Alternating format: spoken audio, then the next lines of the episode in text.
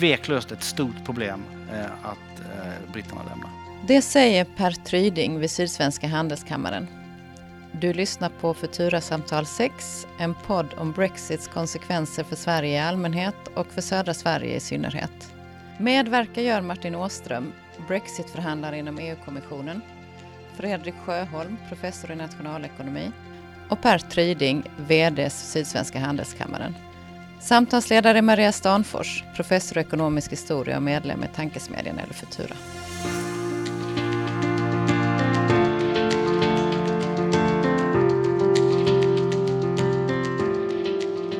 Jag är väldigt glad att jag har tre ytterst kompetenta individer att samtala om Brexit-konsekvenser med. Det är Martin Åström, Fredrik Sjöholm och Per Tryding som alla kommer att närmare eh, få en introduktion. De kommer också få ge sin syn på olika aspekter av Brexit som processfenomen och tänkbara implikationer av detta. Alla har olika kompetenser men gemensam nämnare att de alla har varit eller är verksamma vid LU och har på något sätt en koppling till Ekonomihögskolan. Jag börjar med att äh, återigen hälsa er välkomna och framför allt plocka upp Martin Åström äh, här, om han vill stå där eller här. Det är vad som känns bäst. Martin är Policy Officer i korta ja, eh, drag vid EU-kommissionen Task Force for Relations with the United Kingdom. Han är också polmag från Lunds universitet eh, med nationalekonomi som en av ämnena. Eh, du är tjänsteman, inte politiker eller representant för Sverige. Eh, men har ett väldigt intressant jobb som du verkar ha fortsatt eh, mandat för eh, när det nu blir nya förhandlingar. Varsågod. Tack så mycket. Ehm, jag eh, ska först säga att ehm, jag ska försöka förklara det här så, så bra jag kan. Jag är väldigt ovan vid att prata om mitt jobb på svenska som ibland säger saker på engelska och använder engelska uttryck så är det inte för att verka för att göra det svårare än vad det är, eller, utan då är det ren och skär inkompetens från min sida, att jag helt enkelt har dålig koll på begreppsapparaten på svenska ibland. Så då får ni eh, eh skälla på mig om det är så. Eh, Task Force till exempel, ja, men jag har tagit reda på, vi heter arbetsgruppen för relationerna med Storbritannien. Så redan där kan jag... Eh, jag är som sagt tjänsteman i EU-kommissionen, anställdes där eh, 2005 och eh, ehm, företräder som eh, Maria sa inte Sverige utan kommissionen och dess anställda företräder det europeiska gemensamma intresset. Så jag är inte där och förhandlar för, för Sveriges räkning eller så. Ehm, och den här arbetsgruppen har då uppdragits att hantera alla förhandlingar med Storbritannien. Både före de lämnade och nu efter. Jag hade en, en Powerpoint som var väldigt stilig, den gick inte att köra.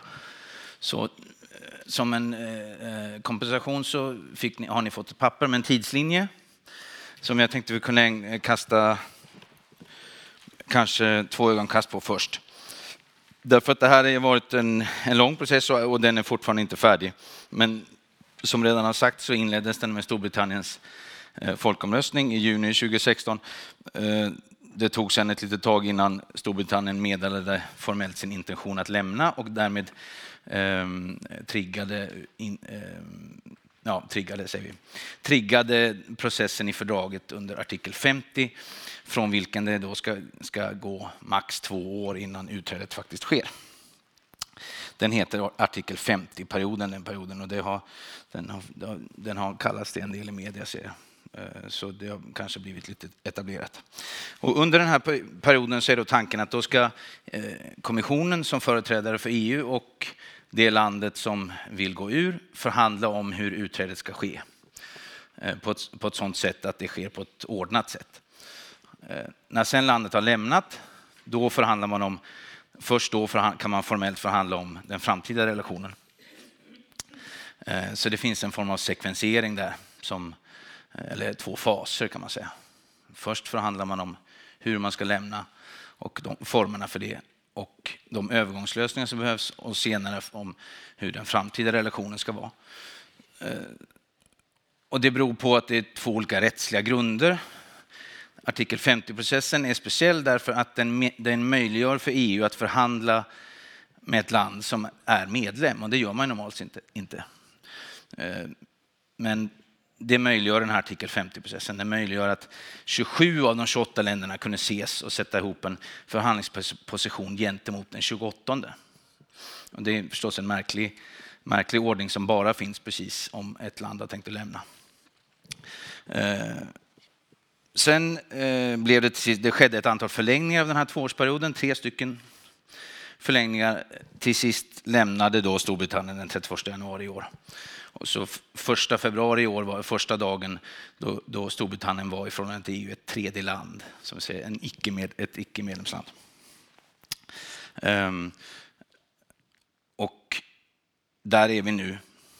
Och nu är vi då, då har man innan kunnat prata om vad som ska vara den framtida relationen, men det är först nu som förhandlingarna om framtiden har kunnat inledas. Och då ställer man sig genast frågan, får man inte ett, ett, ett gap där då, eller ett glapp? Och det har man löst genom att man i det här utträdesfördraget så finns det en övergångsperiod, en, en utfasningsperiod. Och den pågår just nu, den pågår året ut. Därför är det just nu så fortfarande att all EU-rätt gäller fortfarande gentemot Storbritannien och i Storbritannien. Eh, så eh, än så länge är det så att säga business as usual för Storbritannien i förhållande till EU. Och det är också därför vi inte har sett några stora eh, effekter ännu av utträdet. Storbritannien har lämnat, de är inte ett EU-land, EU har numera 27 medlemsländer, men all EU-rätt tillämpas i Storbritannien som vore Storbritannien ett EU-land. Och det har då stadgats i det här utträdesfördraget. Det var en av de saker som man behövde stadga innan de lämnade för att det skulle ske på ett ordnat sätt. Eh, att man hade en period att kunna förhandla om framtiden där inte bara det var ett rättsligt vakuum. så att säga. En annan sak som eh, vi var tvungna att lösa var frågan om pengarna. Eh, inte så att man får böter om man som land lämnar EU eller att man på något sätt ska straffas utan helt enkelt så att EU har en långtidsbudget och då den löper på sju år och då ingår länderna förpliktelser om, eh, om att betala vissa, en viss del av budgeten. Och den förpliktelsen, eh, när den väl är skedd så är den juridiskt bindande. Så, att säga. så vad, Storbritannien, vad vi behövde göra upp med Storbritannien om var hur mycket ska de betala för att eh, täcka de förpliktelser de, de gjort. De commitment som vi, vi kallar det för i budgeten. Eh, så det löstes. En tredje fråga som var viktig att lösa var vad gör man eh, med de medborgare som har utnyttjat den fria rörligheten eh, gentemot Storbritannien eh, före det att Storbritannien gick ur. Och där är utgångspunkten att har man som, som europé som, eller som britt till exempel flyttat från, från Tyskland till Storbritannien, det kanske man gjorde för 30 år sedan, och eh, satt bo där och kanske skaffat, eh, skaffat make eller maka och två barn och, och, och, jobbat och till och med gått i pension. Så, gjorde, ursäkta, så gjorde man det eh, eh, under den legitima tron att så skulle det kunna förbli.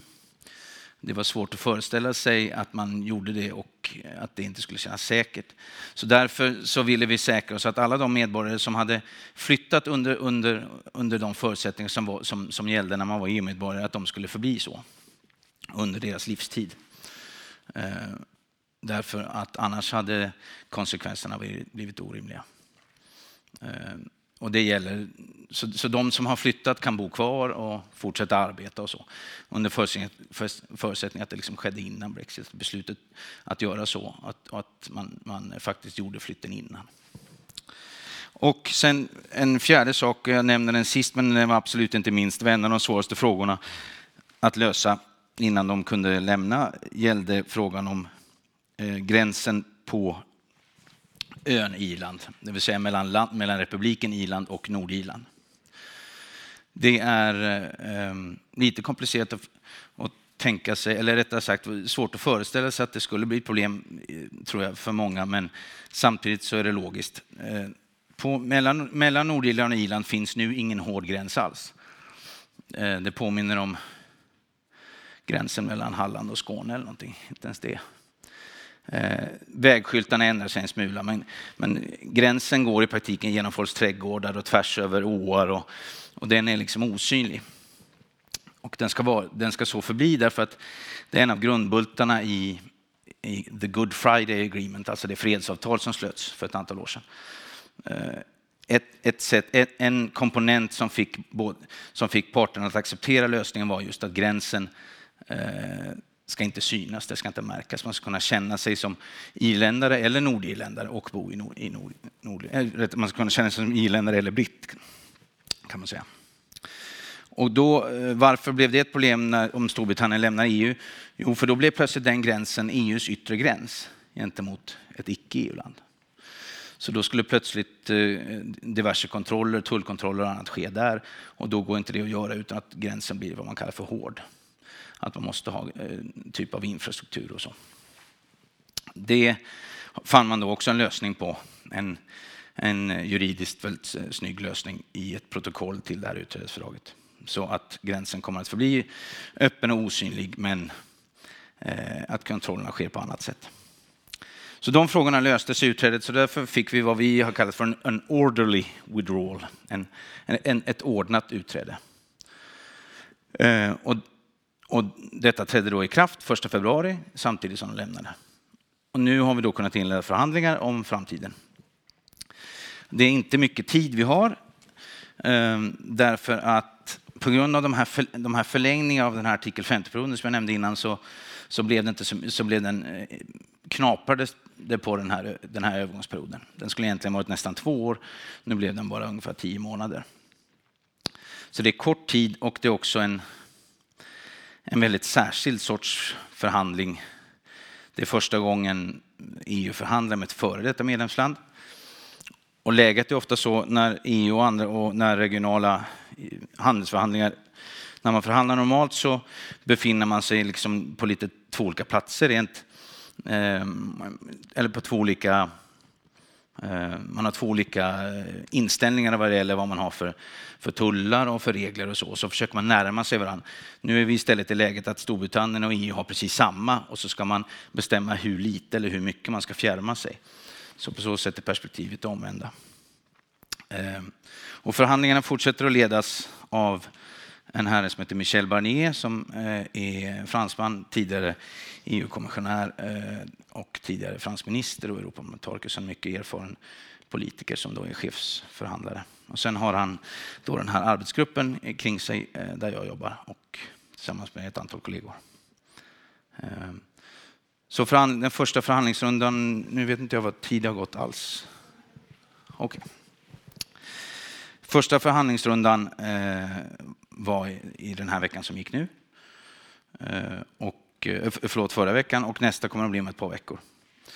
Och då, eh, EUs ambition med förhandlingarna är, är ambitiösa. Vi, vi, vi, vi tänker oss ett, ett framtida partnerskap och vi tänker oss att det ska vara i formen av ett associeringsavtal som täcker Eh, många områden, ekonomiska och handelsrelationer men även rättsliga, eh, rättsligt samarbete kring, kring brottsbekämpning, eh, kring, kring eventuellt deltagande av, av Storbritannien i, i EU-program och så vidare, kring utrikespolitik, säkerhet och, och, och försvar.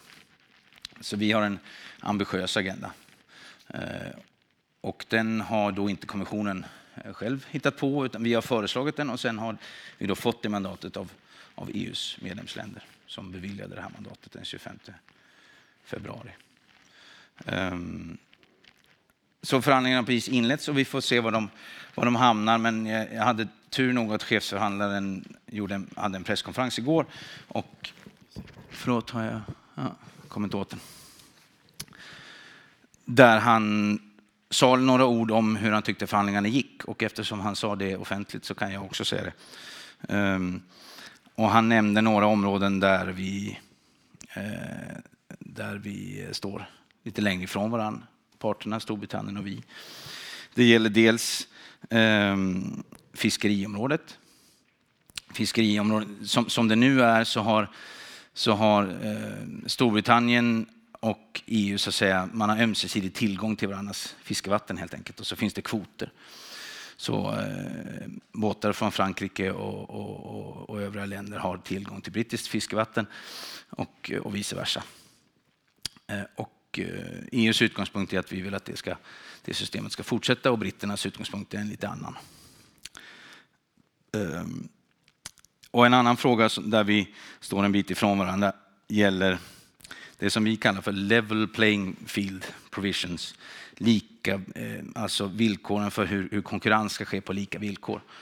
Där önskar vi att det ska vara bindande eh, i, det här, i, vårt, i vårt framtida avtal med britterna att eh, man ska hålla samma nivå vad det gäller klimat, miljö, sociala rättigheter, hållbar utveckling. För att och även när det gäller statsstöd och konkurrensfrågor. Så att inte ändra part ska kunna konkurrera med, med oschyssta, som vi betraktar som oschyssta villkor. Ehm, och där är vi inte helt på samma, på samma plats ännu med, ännu med britterna. Nu tror jag, ja, stopp står det där. Det var tydligt. Tack så länge och det här var mycket på en gång så ställ gärna frågor sen. Ja, eh, tack Martin. Eh, nu finns det, hallå, lite eh, tid för klargörande frågor till Martin omedelbart vad gäller ja. hans ja. Eh, presentation. Eh, vi tar så många som eh, vi hinner innan vi ger ordet till Fredrik. Eh, och, eh, är det någon som vill ställa en fråga? Hej, Mia Rolf, Ideon Science Park här. Är, hur tänker EU med det här att det nästan blir samma sak för, för Storbritannien att vara utanför som att vara innanför. Det blir inte jättestora skillnader. Eller? Jo. Det blir skillnader? Ja, rent faktiskt. För det måste ju på något sätt... Det är bara det att det har inte hänt ännu eftersom Nej. de befinner sig i den här övergångsperioden. Okej. Okay. Ja. Så man kan säga, man tar en, en väldigt stor del av det här handlar om handelsförbindelser och den inre marknaden och den fria rörligheten för varor och tjänster. Och där är, där är situationen ganska digital, att antingen är man med eller är man inte med, kan man säga, eh, i den inre marknaden. Är man utanför den, då står man också utanför det, liksom hela det ekosystem av gemensamma regler, eh, ömsesidigt erkännande av varor, eh, rätten som är, som är en grundbult i EU-samarbetet, att vem, vilket land som helst, en aktör i vilket land som helst har rätt att öppna ett företag i ett annat land eller tillhandahålla tjänster i ett annat land. Eh, det, det är man ute ur helt och hållet. Men är det inte där de har specialavtal med varje e- enskilt land? Nej och det, varje enskilt land får inte det. Utan eh, vad det gäller tredje, förhållande till tredje land, handelsrelationer, så har EU en enda position. Det är en av de få exklusiva kompetenserna som, som EU har. Så, att det, så, så det finns inga bilaterala avtal. Och, och eh, så, så där, det, där, är det ganska digitalt, där, antingen är man ute eller inne. Det finns några undantag, det är EFTA-länderna som där tre av dem, Schweiz, Liechtenstein eh, Eh, och Norge har tillgång till den inre, är med den inre marknaden via EEA-avtalet. Och så är det Schweiz som också är ett efterland men som inte är med i EEA men som istället har bilaterala avtal med oss eh, på ett väldigt komplicerat sätt som tagit decennier att utveckla och ingen riktigt är nöjd med eh, helt och hållet. Så, så det, när det gäller inre marknaden och, och fria rörligheten för varor och tjänster och för arbetstagare och kapital, då är det, då är det ganska digitalt. Man, där är man inne eller ute. Och, och det är vad som sker, sker på marknaden. Även, men även vid gränsen så är man utanför den, yt, den yttre gränsen för den inre marknaden och för tullunionen, ja, men då kommer man inte undan att då blir det kontroller av varor som ska komma in. Eh, till exempel vad det gäller eh, SPS, eh, sanitära och fytosanitära kontroller, alltså allt som har, med, som har med djur och växter och sånt att göra, det ska kontrolleras. Eh, plus att man kanske får tariffer och, och, kvant, och, och, och kvantitativa restriktioner. Som, det, vill, det vill vi inte ha, vi vill gärna vara utan det, men det återstår liksom att se. Så, så, så det är, skillnaden är, är mycket stor. Även om vi når vårt idealavtal med Storbritannien så innebär det fortfarande att det är så att säga, eh, mycket mer friktion i handeln om man är tredje land jämfört med om man är inne. Eh, och det, ja, ett viktigt klargörande, både vad gäller processen men också om faktiska implikationer av Brexit. Eh, och eventuella fortsatta frågor till Martin fångar vi upp i diskussionen efter att vi bland annat har fått en annan klarhet i frågan om vad Brexit kostar. Eh, Fredrik Sjöholm kommer att ge oss svar på den frågan. Fredrik är professor i nationalekonomi eh, på Lunds universitet uppför backen dit åt. Eh, med expertis framför allt i internationell ekonomi, handel och sånt. Eh, varsågod. Tack ska du ha Maria tack för att jag får komma hit här och, och, och, eh, diskutera och prata om någonting som eh, jag är väldigt intresserad av och som jag tror många är intresserade av. Som många borde vara intresserade av. För eh, det är ju så att med Brexit är ju en av de stora förändringarna i internationella relationer och internationell ekonomi eh, som vi ser och som kommer att ha politiska konsekvenser och det kommer att ha ekonomiska konsekvenser. Frågan är då hur stora är de här konsekvenserna? Eh, och det är, är det svårt att skatta av olika anledningar. En anledning var Martin inne på här innan att nu sitter vi och förhandlar eh, EU och Storbritannien och vi vet inte exakt hur, hur, hur ett avtal kommer att se ut. Men när folk då försöker skatta kostnader för Sverige eller för Storbritannien så brukar man börja med för Sveriges del och säga att okej, okay, hur viktigt är Storbritannien för Sverige? Då ser vi att ungefär eh, att, att Storbritannien är Sveriges sjunde största exportmarknad till exempel. Tyskland är störst och sen kommer några nordiska länder. Att det är det femte viktigaste landet när det gäller import till Sverige. Tyskland är störst återigen och sen tror jag det är Holland, Norge och så vidare. Och ungefär 5 av vår handel är med Storbritannien så det är betydande. Kommerskollegium i Stockholm de säger att ja, i runda slängar 70 000 svenskar jobbar eh, med, med jobb som är relaterat till handel med, med Storbritannien. Men då har vi den här handeln och sen brukar de flesta säga okej, okay, nu kommer den här handeln bli dyrare ju. Exporten blir dyrare, det är en kostnad för svenska företag. Importen blir dyrare och det är klart det är en kostnad för svenska konsumenter. Och så försöker man då skatta hur mycket dyrare blir det här? Hur mycket minskar då handeln och sen sista steget säger man, okej okay, när handeln minskar, hur mycket minskar våra inkomster och hur mycket minskar vår sysselsättning? Men den här typen av analys missar något väldigt viktigt. Den tittar bara på den här direkta effekten, handeln mellan Sverige och Storbritannien. Och om det är någon utveckling i företag de sista decennierna som varit viktig så har det varit att företag har blivit allt bättre på att dela upp produktionen i olika små bitar. Man pratar ibland om produktionskedjor. Och så lägger man ut de här bitarna där det är bäst att producera just det. Så ett svenskt företag kanske då har huvudkontoret i Stockholm och forskningen i Lund och sen har man, producerar man någon insatsvaror i Polen, man har design i Italien, man skeppar insatsvaror till Tyskland när man sätter ihop allting och exporterar till resten av världen, inklusive till Storbritannien. Så vad innebär detta?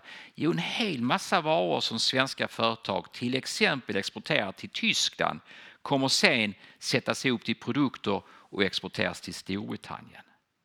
Så våra analyser missar den här indirekta handeln vi pratar om. Men då finns det en studie i varje fall av eh, en eh, belgisk ekonom, Hilke eh, van den Busch och hennes kollegor som har tagit hänsyn till, till, Eh, till den här indirekta handeln också och försöker skatta, eh, eh, skatta kostnaderna. Återigen, vi vet inte hur avtalet mellan EU och Storbritannien ser ut efter, i början på nästa år. Men de har två scenarier som ni kanske känner igen. Det ena är en hård Brexit. Vad är en hård Brexit? Ja, en hård Brexit det är i princip att vi inte har något avtal.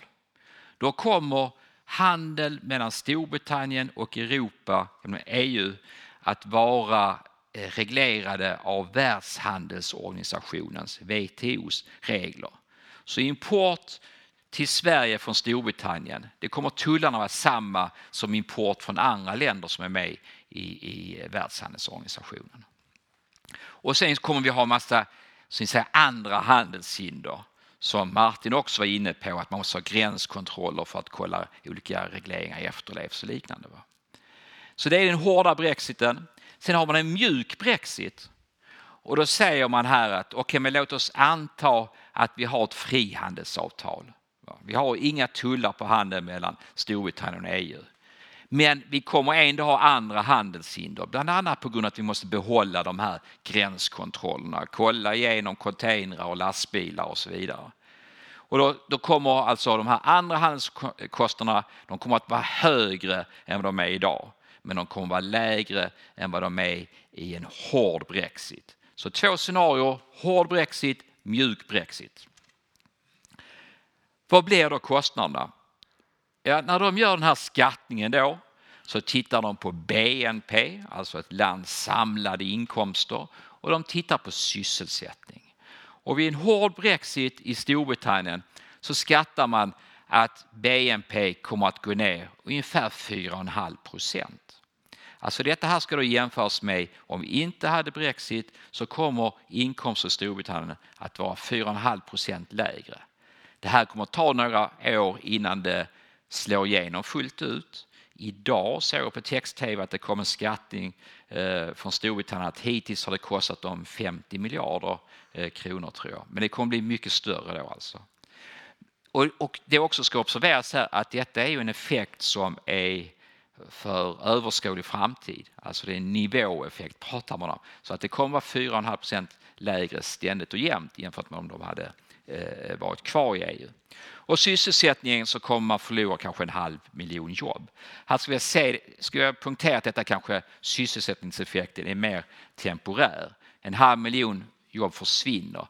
Men det är inte så att de här människorna kommer att vara arbetslösa alltid utan de kommer att hitta nya arbeten efter en tid men kanske till en lägre lön. Då. Detta är det hårda Brexit. Mjuk Brexit, då är effekterna mindre. Då räknar man med att BNP kommer att vara 1,2 procent lägre och det försvinner 140 000 jobb. Det var Storbritannien. Hur ser det ut för EU? Ja, I EU kommer också inkomsterna minska betydligt mindre. Man räknar med att BNP vid det hårda fallet, hård Brexit, minskar med 1,5 procent. Eh, man kan säga att de länder som drabbar hårdast det är länder med, med starka band med Storbritannien. Det är Irland, det är Malta och några andra. Det är också en del små öppna ekonomier i, i Storbritanniens närhet som Holland och Belgien. De drabbas hårdast. Men i genomsnitt så 1,5 procent eh, kommer BNP minska med i hård Brexit. Vid mjuk Brexit eh, under en halv procent. Det kommer försvinna många fler jobb än vad det gör i Storbritannien men som andel av totala antalet sysselsatta så är det betydligt mindre.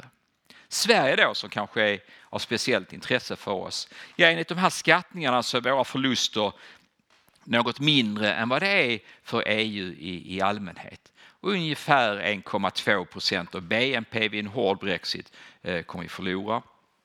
Och antalet jobb kommer vara som förlorar ungefär 19 000 eh, eh, eh, vid en hård Brexit. Motsvarande siffror vid mjuk Brexit 0,3 procent av BNP och 5 000 jobb. Hur mycket är då 1,2 procent av BNP? I runda slängar 60 miljarder kronor. Hur mycket är 60 miljarder kronor? Det är ungefär vad vi betalar för eh, jag tror det heter samhällssäkerhet eller något sånt där ett område. Alltså i princip vad vi betalar varje år för polis, brandkår och rättsväsende. Det är något mer än vad vi betalar varje år för försvaret. Eh, hur mycket är 19 000 jobb? Eh, inte så mycket kanske. Alltså det är över en miljon svenskar eh, går, börjar en ny anställning varje år. Alltså närmare en och en halv miljon svenskar tror jag det är, som börjar en ny anställning varje år. Men där ligger alltså kostnaden eh, vid, vid en hård Brexit, mindre vid en mjuk Brexit. Nu fångar inte detta eh, alla kostnader. Vi har framförallt för Storbritannien eh, tycks det redan som vi ser minskade investeringar. Att multinationella företag kanske väljer bort Storbritannien för att innan de har kunnat använda det som en plattform och agera över hela EU. Det är svårare nu. Eh, om investeringarna minskar så blir kostnaderna framförallt för Storbritannien då betydligt mindre, eh, förlåt, betydligt större. Eh, vi har den finansiella sektorn, oerhört viktig i Storbritannien, alltså London som finanscentrum. Och om jag minns rätt så utgör finanssektorn kanske 7% av BNP i, i, eh, i Storbritannien. Om den skulle flytta till något annat ställe, försvinna, så är det ju en stor kostnad för Storbritannien. Då kommer kostnaderna att öka betydligt mer. Det är också en kostnad för Sverige. För vi drar nytta av att vi har ett effektivt finansiellt centrum i London. Alltså det gör att svenska företag har lägre kostnader för finansiella tjänster och att svenska personer har lägre kostnader för finansiella tjänster. Så det en kostnad även för oss. Det finns också, kanske slutligen det mest intressanta tycker jag, men också svåraste eh, eh, frågan, det är hur kommer Brexit att påverka EU och hur EU utvecklar sig? Men det kanske vi får anledning till att återkomma till i vår fortsatta diskussion. Tack! Och precis som eh, med Martin, några klargörande frågor till eh, Fredrik. Annars eh, så kan eh, du gärna, om du vill, eh, utveckla där du var med dem på, på slutet. Alltså, det är klart att när Storbritannien lämnar, lämnar EU så ändras maktbalansen högst påtagligt inom EU. Och för Sveriges vidkommande så är det ju uppenbart att vi har ofta haft väldigt mycket gemensamt med Storbritannien. Alltså vår syn på hur EU ska fungera har varit ganska likartad och vår syn på eh, handel, frihandel har varit likartad. När Storbritannien nu lämnar EU så lämnar en frihandelsvän och samtidigt så leder det naturligtvis också då till att eh, ska man säga, länder som Frankrikes, deras relativa styrka ökar och Frankrike har ofta haft en annan syn på både på EU och på frihandel än vad, eh, än vad Sverige har haft. Eh, så, så där kommer en, en, och det ser vi redan nu naturligtvis, eh, en, en, en konflikt segla upp nu som kommer jag tror prägla det europeiska arbetet under nästa decennium.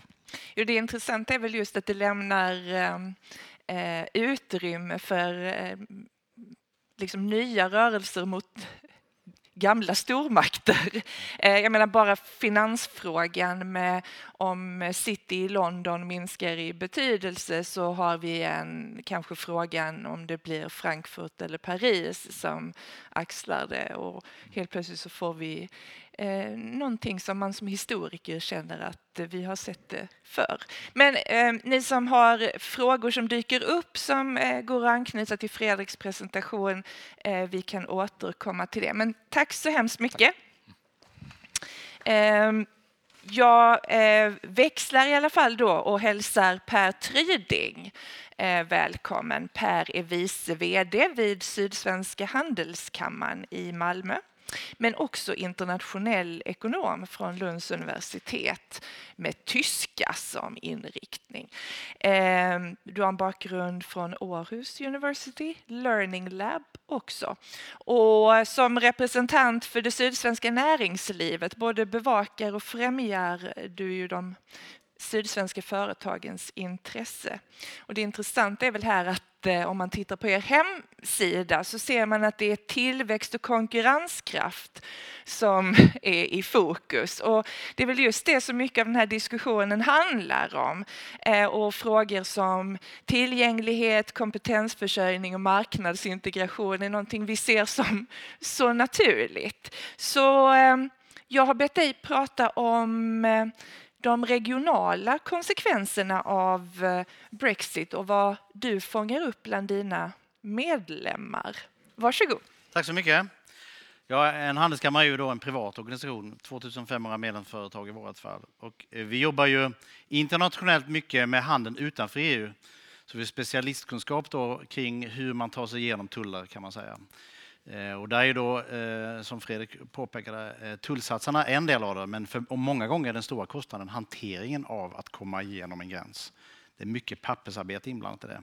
Och I salongen idag har jag med mig kollegor, bland annat Per-Anders Lorentzon som är en av Sveriges och faktiskt EUs främsta experter på just den detaljen, ifall vi har frågor kring det.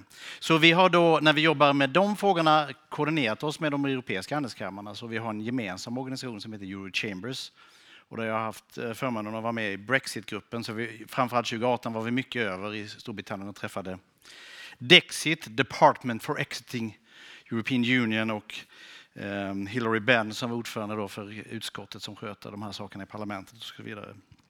Eh, så vi har en ganska god bild av det. Och Eurochamber som organisation och de eh, europeiska företagen har ju hela tiden backat upp kommissionens arbete kan man säga och, och gör det även fortsättningsvis. Så det finns en stor enighet i näringslivet kring de, de linjerna. Där. Eh, så det är liksom yt, eh, yttre förutsättningar. Men den internationella handeln eh, är vi ju intresserade av eh, eh också för att eh, den är ju så att säga vårt membran mot världen och då blir det viktigt att vara konkurrenskraftig. Det är därför det på hemsidan står mycket om tillväxt och så.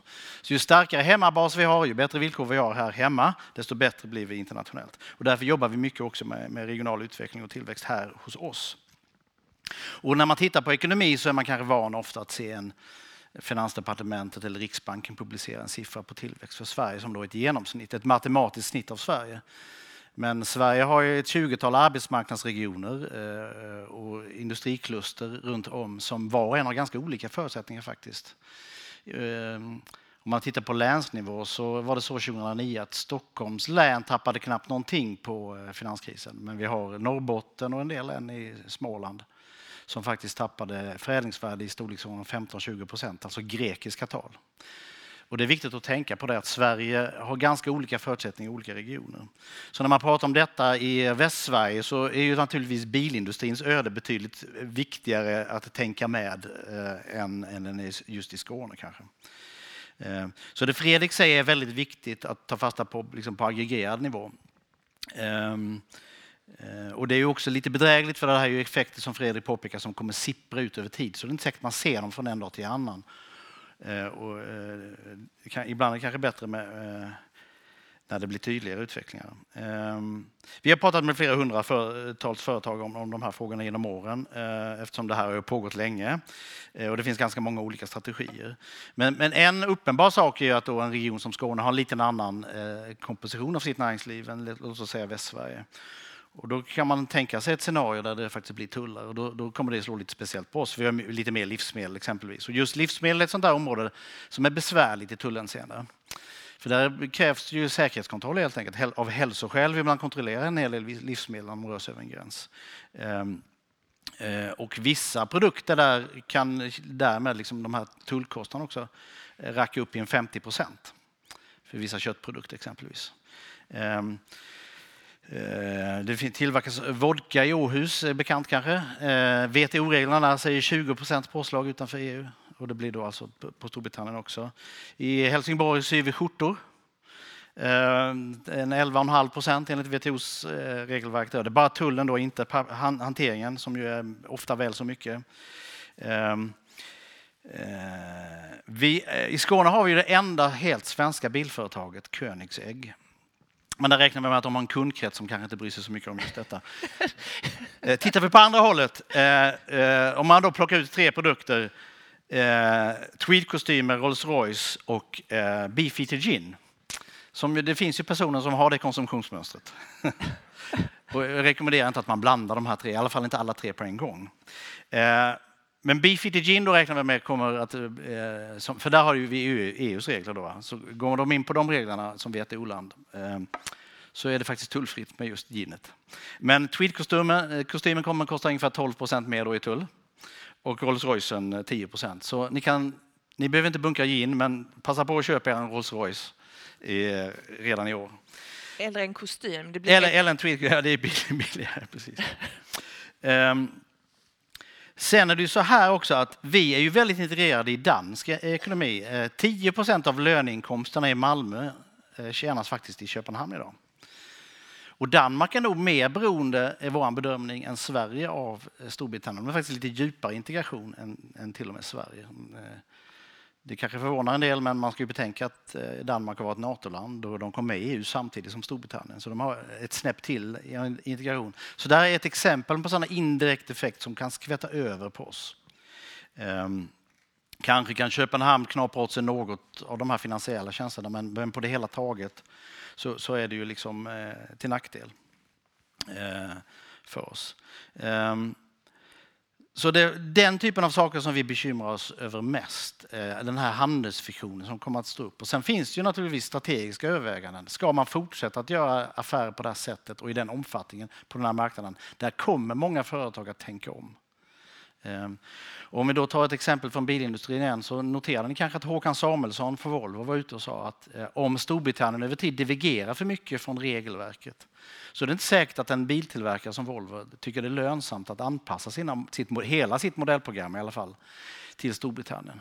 Det betyder att brittiska bilkonsumenter kommer ha lite mindre att välja på exempelvis. Va? Och det är inte bra för deras konkurrens. Det är, och det aggregerar upp i de här siffrorna som Fredrik just pratade om, att det blir liksom lite sämre på en rad punkter i ekonomin. Ehm, och då kommer något enstaka företag att försöka utnyttja det och kanske öka sin eh, nischade produktion just på Storbritannien, en liten nischspelare. Och då kommer det få uppmärksamhet i media att det går bra för just den biltillverkaren. Och det är det som är det knepiga här, för ett enskilt för, företagsekonomiskt kan man strategiskt dra nytta av att en marknad sjunker och det kan ju se bra ut för det enskilda företaget. Men för helheten så sjunker liksom eh, omsättningen totalt sett. Eh, och det gör det komplext när man debatterar detta, men det är tveklöst, det är tveklöst ett stort eh, problem, ett stort problem att, att, att britterna lämnar.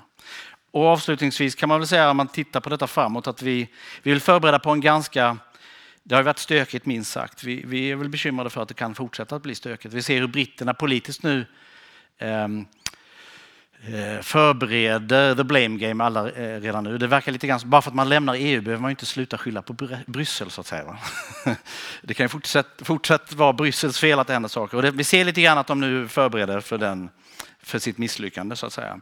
Ehm, sen kan det mycket väl bli så att eh, Hallaballon med förhandlingsmandatet. Britterna hade ju så svagt förhandlingsmandat så de åkte hem till sitt parlament och så fick de njet där och så bröt allting samman. Det som kan hända den här gången är ju faktiskt att vi förhandlar fram ett avtal och så är det något medlemsland som inte är riktigt med på noterna. Som vi hade ju caset med Kanada. Det kan ju finnas en och annan politiker som tycker det ser härligt ut att vara tuff mot britterna. Exempelvis en, en eh, onämnd fransk president eller så. Ehm, så det blir spännande även i år. Tack så hemskt mycket Per för ehm, att en mer lokal förankring. Ehm, är det någon som har en fråga till Per omedelbart?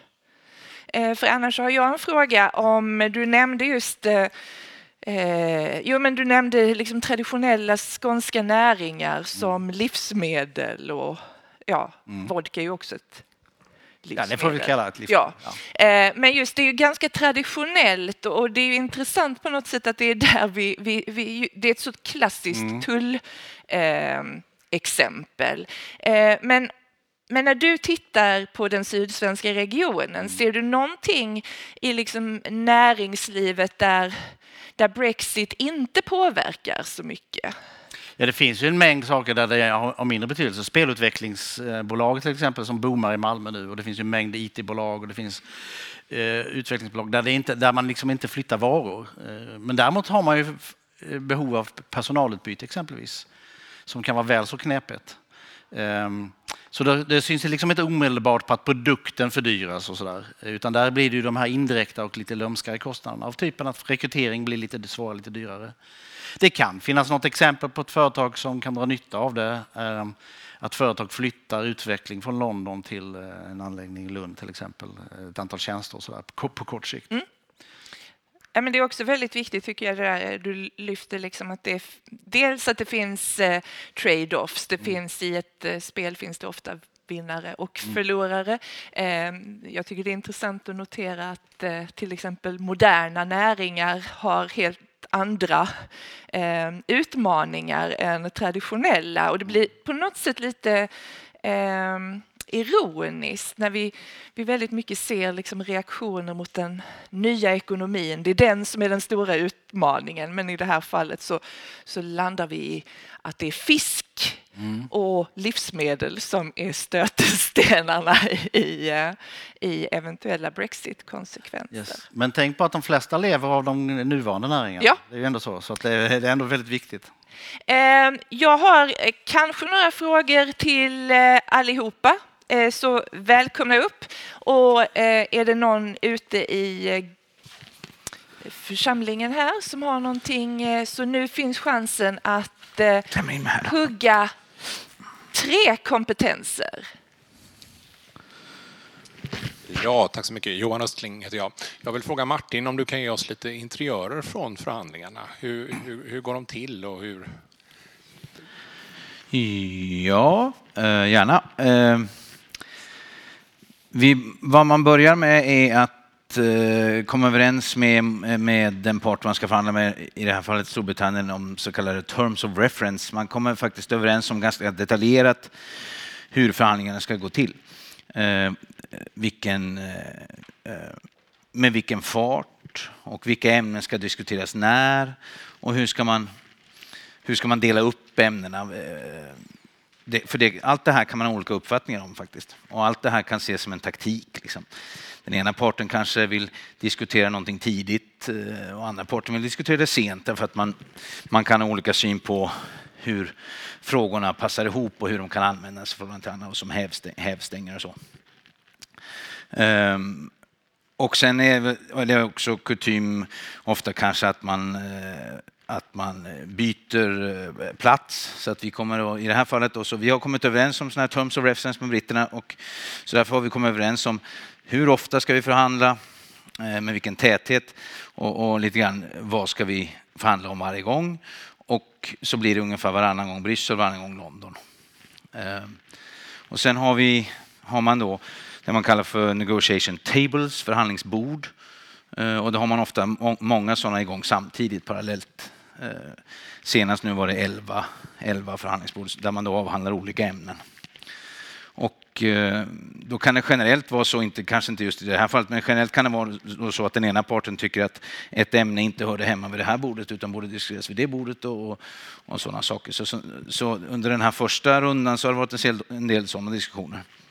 Och vad man börjar med också är att klarlägga, i det här fallet så var ju vårt förhandlingsmandat känt eh, av alla i hela världen, för det var ju offentliggjort och vi, hade, vi och även britterna hade offentliggjort sitt mandat så båda parterna vet ungefär vad, eh, vad, vad det är för eh, eh, mandat de har fått med sig och, och, vad de har för målsättningar. Men ändå är det så att man kan ägna, ägna ganska lång tid åt att gräva i vad menar ni med det här och man försöker utröna vad är viktigast egentligen och vilken part är det som är som en demandör. Som, vilken part är det som önskar någonting visst?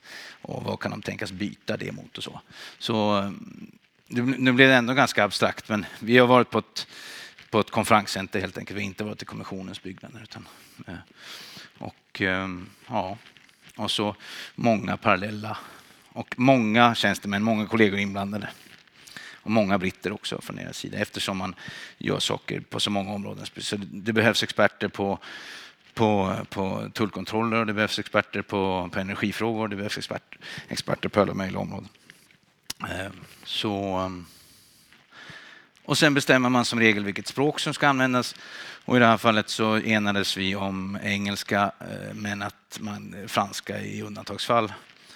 Men, eh, och det var inte en eftergift till britterna utan helt enkelt så att engelska är ett lingua franca för många av oss ändå, med eller utan, med utan EU. Så att, eh, eller med eller utan britterna i EU. Ehm, ja, så lite så. Sen eh, är det mycket, så blir det väldigt mycket, allting blir väldigt hemligt så fort man har med förhandlingar att göra. Så mycket konfidentialitet kring vad som, vad som sker i rummen och, och hur saker och ting närmar sig. Så är det ju Eh, alltid när man förhandlar. Men vi försöker vara så transparenta som möjligt så vi har publicerat de här terms of reference om hur vi ska förhandla och när och vi har publicerat vårt mandat och, och, och kommer att efterhand också publicera eh, så mycket vi kan. Och sen i vårt fall, i EUs fall, så förhandlar kommissionen men vi måste hela tiden stämma av med rådet, regeringarna i rådet och med Europaparlamentet vad vi gör och hur, hur, och hur det går och så. Eh, så det sker också hela tiden. Och det är ett extra arbete vi har som inte i det här fallet Storbritanniens regering har för de, De har ett mandat eh, från House of Commons och där har de en majoritet så att säga. Så, så de har inte riktigt den... De, de äger frågan lite mer än vad kommissionen gör själv. De äger den själva. Så. Per hade en Ja. eh, liten reaktion från denna interiör. Ja, men ett, ett viktigt påpekande är ju att EU är väldigt duktiga på det här faktiskt och har hållit på med detta länge eh, och har skött förhandlingarna väldigt bra hittills. Eh, så där EU har en, en eh, det, har, det är en av EUs två stora fördelar, ett väldigt professionell organisation för detta och en bra organisation både vid förhandlingsbordet och sen i förankringsprocessen. Den andra är ju att, som Fredrik visade, det är ju britterna som har mest att förlora på ett misslyckande. Ehm, Så att eh, EU sitter väldigt bra tycker jag till i de här förhandlingarna. Ja, det, det är väl någonting som är intressant just att eh, se hur eh, processen i sig eh, löper men också vad de potentiella eh, spelre- hur spelplanen ser ut. Det är viktigt. Eh, vilket eh, för mig var när jag pratade med er tre sammantaget var en klargörande bild eh, och så. Eh, ja. Bara- Jag tror att man hoppas det ändå att man tar med sig till de här förhandlingarna. Det är att det är sant att Storbritannien är den största förloraren, men vi är alla förlorare. absolut. absolut. Och att man ändå försöker minimera de här förlusterna och, och förhoppningsvis nå fram till ett så eh, bra eh, och eh, brett frihandelsavtal som möjligt. Eh, För det intressanta är väl just att det är lite som en liksom skilsmässa. Eh, man planerar inte riktigt för det eh, direkt, men någonstans måste man lösa det. Eh, och kanske är alla inblandade förlorare. Det jag tycker är, är, är, är intressant är att i de här diskussionerna kring Brexit så, så finns det en spänning. Ehm, det, det är ganska mycket emotioner i debatten samtidigt som eh, när man närmar sig det Martin har eh, berättat om så är det väldigt mycket regler och ganska, eh, kanske lite torrt. Inte så mycket emotioner. Eller det kanske är det där sekretessbelagda.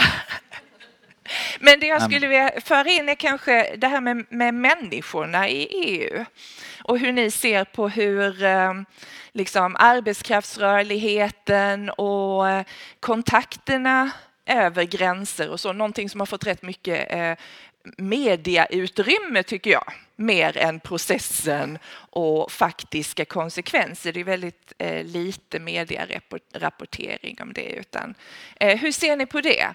Eh, arbetskraftsrörligheten, eventuella konsekvenser av minskad sådan och eh, kanske just eh, varför har Brexit blivit en så stor känslomässig fråga? Fredrik börjar. Nej, men jag tycker det är intressant det du säger här med rörlighet och så vidare och vi kanske kan erinra oss när, när eh, vi hade östutvidgningen, när alla de här nya östeuropeiska länderna gick med, så var det mycket diskussion, bland annat i Sverige, om att man skulle ha ett undantag från den fria rörligheten.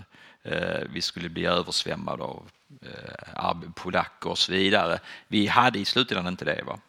Men, eh, och det var, har inte varit något problem skulle jag vilja säga för Sveriges del. Men, men det är ju intressant att Storbritannien har haft en enorm mängd människor som har flyttat från andra delar av Europa och jobbar nu i Storbritannien.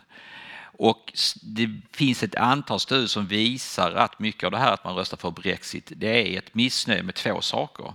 Det är ett missnöje med invandringen Eh, och det är ett missnöje med globaliseringen i stort. Så ett, i, i delar av eh, Storbritannien där man eh, ja, kanske lite slarvigt kan kalla det att man är förlorare på den här globaliseringen. Där röstar man för Brexit. Va? Det är väldigt tydligt. Eh, och det är klart att det ger oss väl alla anledning att börja fundera på eh, ja, i stort och europeiska projektet och så vidare och hur säkerställer man att man kan ta tillvara fördelarna med det här men ändå minska så att säga kostnaderna och de negativa sidorna. Mm. Per? Ja, det är lite ödets ironi att de som drev på för att man skulle ha östutvidgning och inte övergångsperioder var bland annat Storbritannien medan Frankrike var mycket mer skeptiska till detta. Mm. Men det är mer en historisk ironi kanske.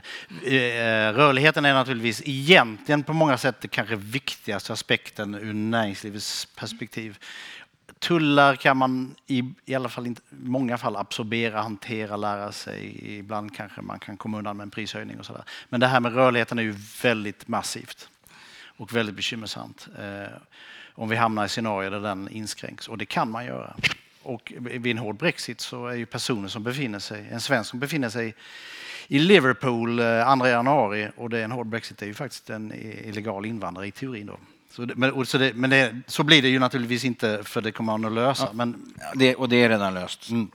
Om, om, den person, förlåt, om den personen var, var reguljärt sysselsatt innan så, Ja. så är det säkert. Men om du- utträdesfördraget. Men, ja. ja. men det finns ju massa sådana här luckor och gränsfall som är ganska obehagliga.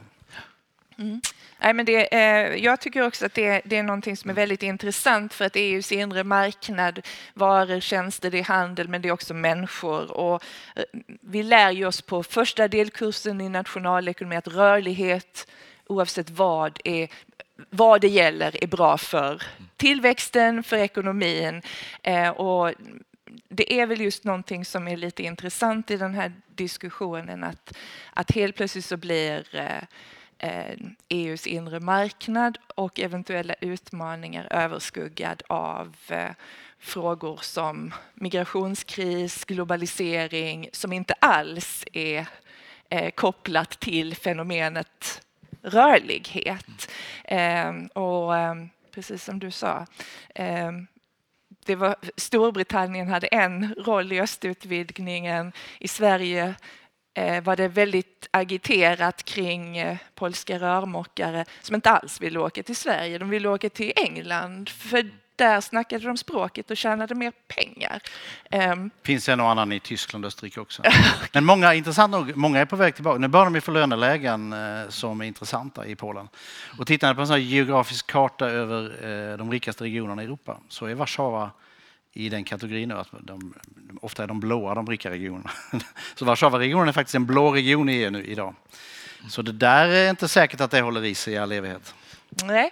Men är det, jag, kan, ja. jag kanske bara säga, från EUs perspektiv så, så är just den fria rörligheten för, för människorna en grundbult och en, ett, också ett frihetsprojekt. Så det, det är inte bara om man ser arbetsmarknaden som en marknad, att det, man får någon form av optimal resursallokering, att, att eh, folk eh, reser och jobbar där de mest behövs. Det kan, det kan man tro på också på en övergripande och teoretisk nivå, men, men från EUs sida är det också en, helt enkelt en, en fråga om en frihet som man vill bibringa via projektet. Eh, Att man ska kunna plugga vad man vill eller jobba vad man vill eller man kanske pluggar någonstans och så träffar man någon och så blir man kvar där eh, som hände många tror jag som, hamnade i, som, som reste till Storbritannien och så, blev, så gifte de sig och så, och så är de fortfarande italienska medborgare men har bott i Storbritannien kanske i 40 år och så. Så att det, det är en del av, vi ser det som en del av förstås ett, en, en, en frihet i, i den meningen och därför så, så ja. Tack. Vi har eh, två frågor, och jag, eh, tre frågor. Jag föreslår att vi tar de tre frågorna och sen får ni svara på dem i den mån ni vill. Tack. Eh, jag är Eduardo Gilpedro från juridiska fakulteten och jag är brittisk medborgare fast jag röstade inte för Brexit måste jag säga. Men min fråga är både till Per och Martin. Att, I vilket mån är, näringslivet en kraft som stödjer EU eh, allmänt eller, i, eller är ni på kommissionen oroad om Prosecco-producenter i, i Italien och bilproducenter i, i, i Tyskland eller uh, vodkaproducenter i, i Skåne som, som ska lobby för en mer öppnade relation med, e, med Storbritannien som kanske kommer att undergräva deras eh, mandat eller objektiver.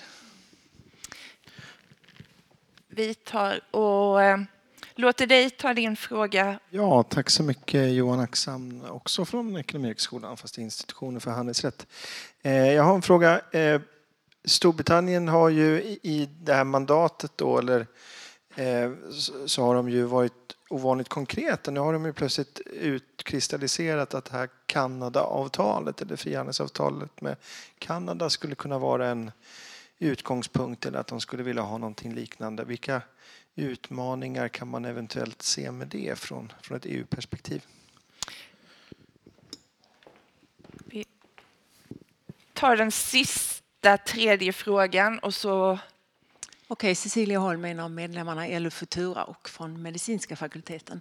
Eh, jag har en ganska eh, universitetsförankrad fråga. Det, det, finns ju, det finns ju en massa EU-projekt som är igång där ju säkert Storbritannien är med i många av dem. Det finns många utbytesprogram och sånt. Jag vet att det finns många studenter och eh, sådana forskare runt omkring mig som undrar lite grann, ja, vad händer nu? Ska vi behöva åka hem efter årsskiftet och sånt? Så hur kommer den typen av projekt och utbyten påverkas av detta. Okej, då har vi tre intressanta frågor och eh, ni har fått tid att tänka. Vem vill börja med vad? Fredrik vill börja. Jag kan börja med forskningsfrågan här då. Eh, och jag bara kan notera att när jag träffar mina kollegor i Storbritannien så är man bekymrade nu. Och man är bekymrade bland annat för att man har varit väldigt framgångsrik i att eh, få finansiering från, från EU Eh, jag tror Oxford är det universitetet som har dragit in mest sådana här eh, e EU-projekt av alla, eh, av alla länder. Och det, det kommer att bli, bli, bli svårt för dem. Sen det andra, varje fall från svensk sida sånt har man ju sagt att man ska försöka säkerställa liksom att, att brittiska medborgare kan stanna och så vidare. Jag kan inte svara på exakt hur det ser ut från, för svenska forskare som är, är i Storbritannien. Per? Ehm, ja, men det här är ett exempel på en komplex samhällsekonomi där det rör sig hela tiden. Så, så är det så att EUs eh, nya långtidsbudget, det är det man bråkar om nu bland annat, som har med avgiften att göra. Där görs det enormt kraftiga satsningar på forskning och utbildning. Det kommer att vara en boom alltså. Och där är ju britterna inte med då. Ehm, Eh, och de var väldigt duktiga på att kapa åt sig eh, av de här projekten. Så att, eh, där kan jag säga andelsmässigt kan en organisation som den här kanske gå en vår till mötes där kan man tänka sig. Då. Men totalt sett är det naturligtvis negativt att, att man inte kan integrera in de brittiska universiteten på det intima sätt som EU har givit möjlighet. Det är ju ett av EUs stora framgångssagor är faktiskt utbildningsområdet, inte minst högre utbildning. Där har det gått riktigt, riktigt bra de här decennierna som vi har varit med. Martin? Um. Ja, precis. Vad det gäller studenter och utbyten, och så där man säger att, att just eh, Storbritanniens eventuella framtida deltagande i, i, i, EUs olika program på en massa olika områden, bland annat forskning och utbildning, finns med som, som, som, som ett område vi kommer att prata om. Och var, var det hamnar, det, det, det, vet vi inte. Ehm, så, så det finns, det finns på, på kartan, så att säga, men vi vet inte var det landar.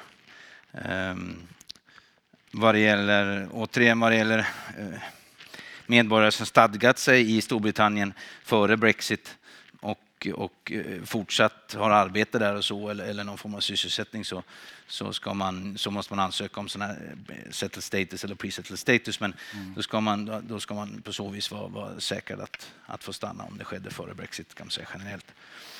Um, och vad det gäller CETA så vi har ju noterat det, jag kan inte gå in i detalj på precis hur vi förhåller oss till men man kan säga att det finns en skillnad. Det finns ju skillnader förstås.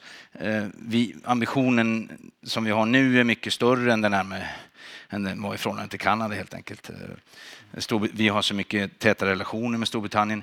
De ligger så mycket närmare eh, och nu ska jag stå in till en professor i nationalekonomi och säga något så det blir nervöst. Men ett av de, ett av de starkaste empiriska eh, sambanden som man känner till tror jag som håller sig rätt väl är distansprincipen inom handel. Att det är faktiskt eh, trots, trots båtar, trots globalisering, trots internet och trots allt det här så är det fortfarande så att, att avstånd eh, ju längre avstånd desto mindre handel i, i, i princip. Så, och, och, och Kanada är mycket längre bort. Så, så, eh, sen, så att vi har en annan ingång till de här förhandlingarna än, än vi hade till Kanada, eh, kan man väl säga.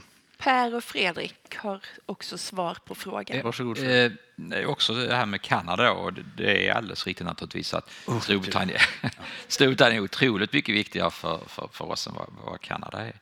Eh, och det är intressant tycker jag, eh, Martin säger att vi har en mycket högre ambitionsnivå nu i avtalet vi får i land med, med Storbritannien.